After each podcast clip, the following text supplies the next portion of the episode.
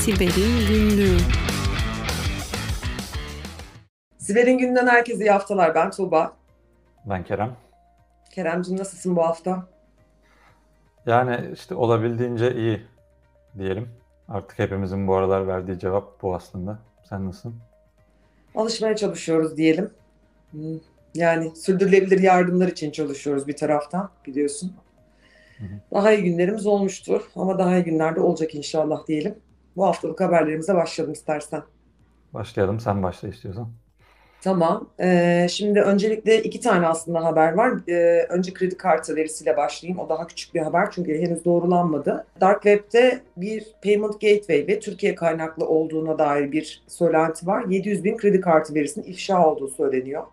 Ve bunları satmaya çalışan hackerlar var. Şimdiye kadar alan olmuş, inceleyen olmuş benim kendi arkadaşlarımdan, siber güvenlik camiasından. Kontrol ettiklerinde bazı kredi kartı verilerinin gerçekten e, Türkiye'ye ait olduğunu doğrulamışlar. Bu nedenle şu anda yoğun bir şekilde özellikle güvenlikçiler arasında e, sanal kartlar değil ama fiziksel kartları iptal ettirme ve yeni kart talep etme yoğunluğu yaşanıyor şu anda benim gözlemlediğim kadarıyla kendi çevremden. Öte yandan çip krizi var. Hani bu kadar fazla yeni kart talebinde bulunursak e, nereye varacak bu iş bilmiyorum. Yine geçtiğimiz hafta çok yakın bir arkadaşımın da kartının yine bilgisi dışında e, yurt dışında kullanıldığına dair bir şey geldi, haber geldi. Bunun bu olayla alakası vardır yoktur bilemiyorum ama eğer işin içerisinde gerçekten Türk bir payment gateway varsa çember daralıyor demektir. E, buradan herkese yine duyurmuş olalım. Henüz kaynağı belirlenmedi ama. Cyber Tintin haberiyle devam etmek istiyorum. Twitter'da görenler olmuştur zaten şu anda da epeyce bir paylaşım aldı, etkileşim aldı.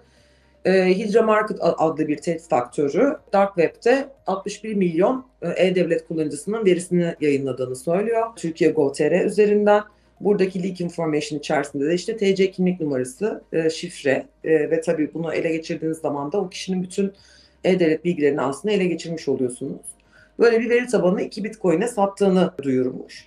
Şimdi bunu değerlendirmemizi isteyen e, izleyenlerimiz, dinleyenlerimiz de olmuştu.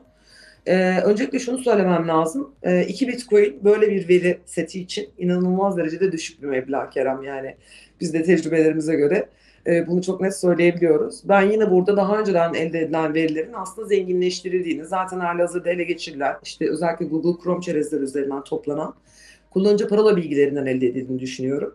Ee, çok fazla kullanıcı hala ne yazık ki sesimizi duyuramıyoruz belli ki.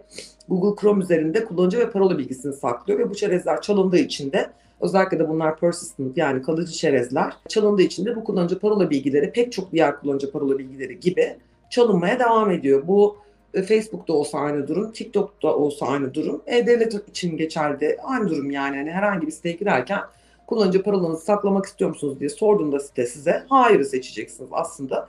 Çözümü basit. Başımızın belası oldu bu Chrome'daki kullanıcı parola saklama meselesi. Sen ne diyeceksin? Yorumunu da merak ediyorum. Ortalık bayağı bir çalkalandı.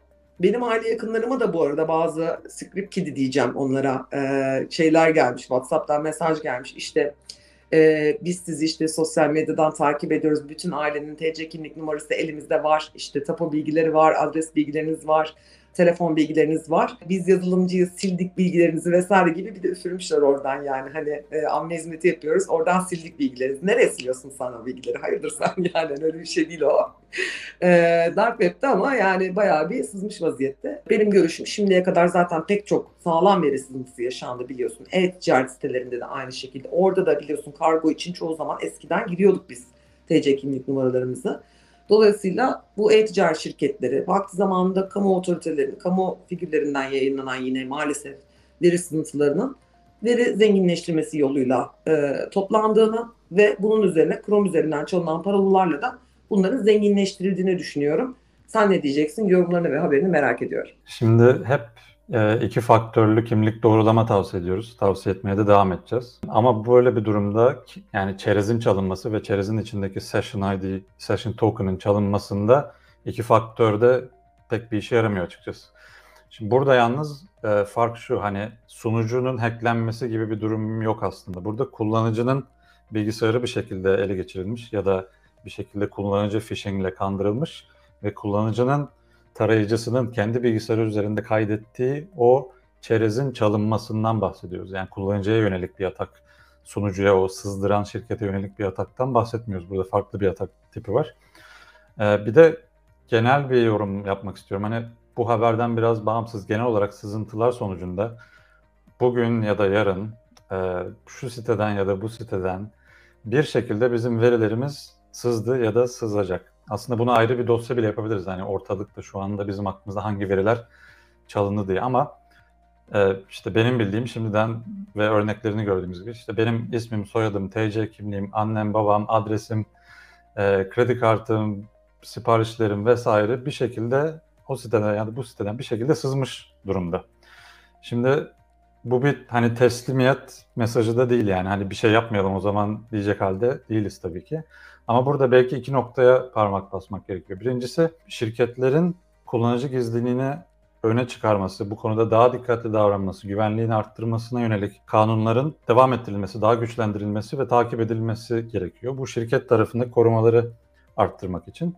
İkincisi de bireyler olarak biz ne yapmalıyız? Orada da hani bir kısa vadeli bir uzun vadeli tavsiye olabilir. Kısa vadeli bu sızıntılardan haberdar oldukça bir an önce işte e, harekete geçmemiz gerekiyor mesela. Kredi kartı çalındıysa tabii ki hemen kredi kartını iptal etmek gerekiyor. Başka bir noktada e, şifre çalındıysa şifreyi değiştirmekte fayda var. Ama uzun vadede yaptığımız belki de daha önemli. Hani uzun vadede bilinçlenme, farkındalığımızı arttırmamız gerekiyor. Bu verilerimiz çalındığında bize karşı nasıl kullanılabilir? Bu konuda biraz daha hazırlıklı olmamız lazım gelecek, gelecek saldırılara karşı. Ben TikTok'tan bahsedeceğim biraz. Şimdi öncelikle hani daha çok ülkemizde duymayı, görmeye alıştığımız bir konunun e, Amerika'da tartışmak konusu olmasından bahsedeceğim. Yani biliyorsun bizde bir video sakıncalı bulunduğu zaman YouTube kapanıyor. Bir tweet sakıncalı olduğu zaman Twitter yavaşlatılıyor ekşi sözlük kapatılıyor vesaire vesaire. Bunlar çokça oluyor ama Amerika'da bu kadar çok görmüyoruz bunun haberlerini. Yalnız geçen Aralık ayında iki tane senatör Amerika'da demişler ki TikTok yasaklansın. Bunun yasa tasarısını getirmişler tartışmaya. Ve şu anda bu hala e, tartışılıyor. Bunun sebebi de e, sansür değil, ulusal güvenlik tehdidi olduğunu düşündükleri için. İşte biliyorsun şey TikTok bir Çin markası. E, Çin firmasına ait ByteDance olması lazım. Ve e, kullanıcıların çokça bilgisini, verisini topluyor app üzerinden. Bunu kabullenmek lazım. Belki de diğer app'lerden, işte Instagram'dan, Meta'nın bile yaptığından daha çok bilgi topluyor TikTok app'i üzerinde. Bu senatörlerin söylediği de işte Amerikan vatandaşlarının o kadar bilgisini toplayıp Çin'deki serverlara yolluyor ve Çin devletine, tabii Çin e, app'i olunca devletin de elinde oluyor gibi bir durum var onların eline işte bizim vatandaşlarımızın bilgileri, hareketleri, e, kimlikleri ele geçiriyor ve deepfake de kullanılabilir. Yarın öbür gün şantajda kullanılabilir. E, gözetlenebilirler. E, askeri hatta askeri bilgiler ele geçirebilir tarzı iddiaları var ve bu yüzden yasaklanmasını istiyorlar. Tabii bu noktada da güvenlikçiler ve IT sektöründeki yani bir sürü insanda hatta IT sektörünün dışındaki bir sürü insanda buna itiraz ediyor. Çünkü bu temel hak ve özgürlüklere aykırı bir şey ve e, bizim örneklerde olduğu gibi burada da e, tamamen hani korktukları diyeyim Çin'in e, kullandığı yöntemlere benzer yöntemler kullanmış olacaklar. Çin firewall'u gibi bir e, sistem ortaya çıkmış olacak ve işte Amerika'nın istemediği app'ler Amerikalılar tarafından kullanılamaz gibi bir kontrol mekanizması ortaya çıkacak. Tamam hani TikTok kötü kötü demeyeyim de hani çokça veri topluyor. Bu belki ülkenin dışına çıkıyor. Burada riskli durumlar var ama bunun bununla savaşmanın yöntemi yasaklamak değil. Türkiye'de ise e, iki gün önce okuduğum habere göre KVKK tarafından TikTok'a 1 milyon 750 bin lira civar e, miktarında bir ceza yazılmış. Cezanın sebebi de e, işte çocukların kişisel bilgilerinin görüntülenmesi, izinsiz veri toplanması ve kanuna aykırılıklar diye söyleniyor. Bu hani pozitif yönde bir, bir çaba aslında. Ama burada konu TikTok değil ya da Çin değil. Hani bu deminki haberdeki TikTok'u değiştirelim, Instagram yapalım. Çin'i de değiştirelim, Amerika yapalım. Bizim açımızdan çok bir şey değişmiyor. Yine bizim verilerimiz A app'inden yurt dışındaki başka bir ülkenin eline geçmiş oluyor. Ve buradaki çözüm e, Instagram'ı ya da TikTok'u bloklamak değil. Yine Buradaki çözüm kullanıcı gizliliğini ön plana çıkaran kanunların yürürlüğe girmesi ve takip edilmesi, denetlenmesi. İkincisi şirketlerin e, bu gizli, kullanıcı gizliliğini ön plana çıkaran, önem veren verecek şekilde app'lerini geliştirmeleri. Farkındalığımızı arttırıp belki de başka app'ler mi kullansak, işte Twitter yerine onu mu kullansak, Instagram yerine onu mu kullansak, TikTok'u kullansak mı, kullanmasak mı seçimlerini bizim daha bilinçli bir şekilde yapmamız gerekiyor diye düşünüyorum. Evet Kerem aslında Türkiye'de ben olaya birazcık da sosyolojik açıdan yaklaşmak istiyorum müsaadenle. Ee, keşke fırsatın olsa da arada sırada yapmanı tavsiye ederim. YouTube'dan e, Türkiye'deki gündüz kuşağında e, işlenen konulara falan bir bak bence. o zaman belki bu kadar sosyal demokrat olmazsın. Allah kahretsin bu TikTok'u bu TikTok kapatılsın diyebilirsin. İnanılmaz hikayeler dönüyor. Kerem aklı hayale gelmeyecek şey. Bunların temel sebebi de şu. Tabii ki herkes kendi hayatını yaşar. Biz kimiz ki insanları yargılayacağız ayrı konu ama e, Türkiye'de e, internet okuryazarlığı, bilgisayar okuryazarlığı, kullanıcı olmak, kullanıcı bilinci vesaire gibi konular eğitilmeden, insanlara öğretilmeden, insanlar bu bilince varmadan bu uygulamalar yaygınlaştı. Bence en temel sorunlardan bir tanesi bu. Yani inan bana bunun şeyle de bir alakası yok. Yani bir insanın e, yüksek öğrenim görmüş olması, üniversite yüksek lisans vesaire doktora bile yapmış olsa hala bu var yani. Dolayısıyla hani teknoloji okuryazarlığı, işte cihaz nasıl kullanılır, nasıl iyi kullanıcı olunur, bu kişisel veri nedir, nasıl korunur, bununla alakalı hiçbir bilgisi olmayan insanların bu uygulamaları kullanıyor olması çok tehlikeli. Sadece kendine değil, aynı zamanda hani bulundukları işte aileye, o ailenin ekonomisine e, ya da işte bakmakla yükümlü oldukları insanlara vesaire herkes etkileyen bir durum. E, dolayısıyla çok üzücü aslında. Gerçekten ama hani e, Türk aile yapısında da hakikaten e, bayağı bir dinamit soktu yani hani TikTok. TikTok sokmadı. Bu insanların eylemleri soktu ama TikTok üzerindeki eylemleri soktu. Öyle söyleyeyim. Çok kaba ve kibar tabiriyle diyeceğim. E, dolayısıyla aslında bana sorsan mesela bugün hani bir anket olsa bana deseler ki Tuğba hani TikTok Türkiye'de yasaklansın mı ben hayatımda ilk defa ki sosyal medya yasaklarına dibine kadar karşı koyan Tuğba bugün herhalde evet derim yani. Çünkü insanlar hazır değil. Ama temel sebebi bu yani. Hani insanlar Ben- değil. Ortaokul, lisede ben giderken e, vatandaşlık dersi diye bir ders vardı. Evet. Hala var mı vardı. bilmiyorum. Belki de hani günümüze uyarlanmış bir şekilde vatandaşlık derslerine bu konuların katılması lazım ya da ayrı bir Kesinlikle. ders olması lazım. Evet. Bir de son bir notum var. Bu cezai müeyyideler şaka gibi arkadaşım. Yani 1 milyon 750 bin lira şu anda Türkiye'de ev alamıyorsun. Bak deprem oldu.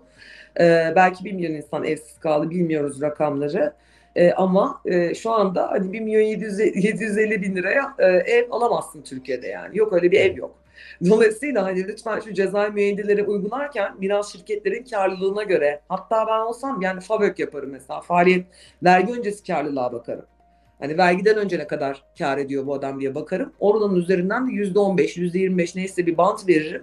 Buna göre o cezayı keserim. 1 milyon 750 bin lira nedir Allah aşkına yani? Hiç Aynen, uyguladıkları bir tane cezayı iki tane depremzedeye bağış yaparlardı diye Evet, düşünüyorum. ben de euroya dolara çevirip bunun ne gibi bir etkisi olacak diye düşünmüştüm. Hani daha bir mesaj yollamaya yönelik bir şey belki ama yaptırım olması, etkisinin olması lazım finansal açıdan da senin dediğin gibi. Kesinlikle, kesinlikle. Peki bu haftalık da bu kadar diyelim mi? Diyelim. Herkese güvenli haftalar diliyoruz. Haftaya görüşmek üzere. Hoşçakalın. Hoşçakalın.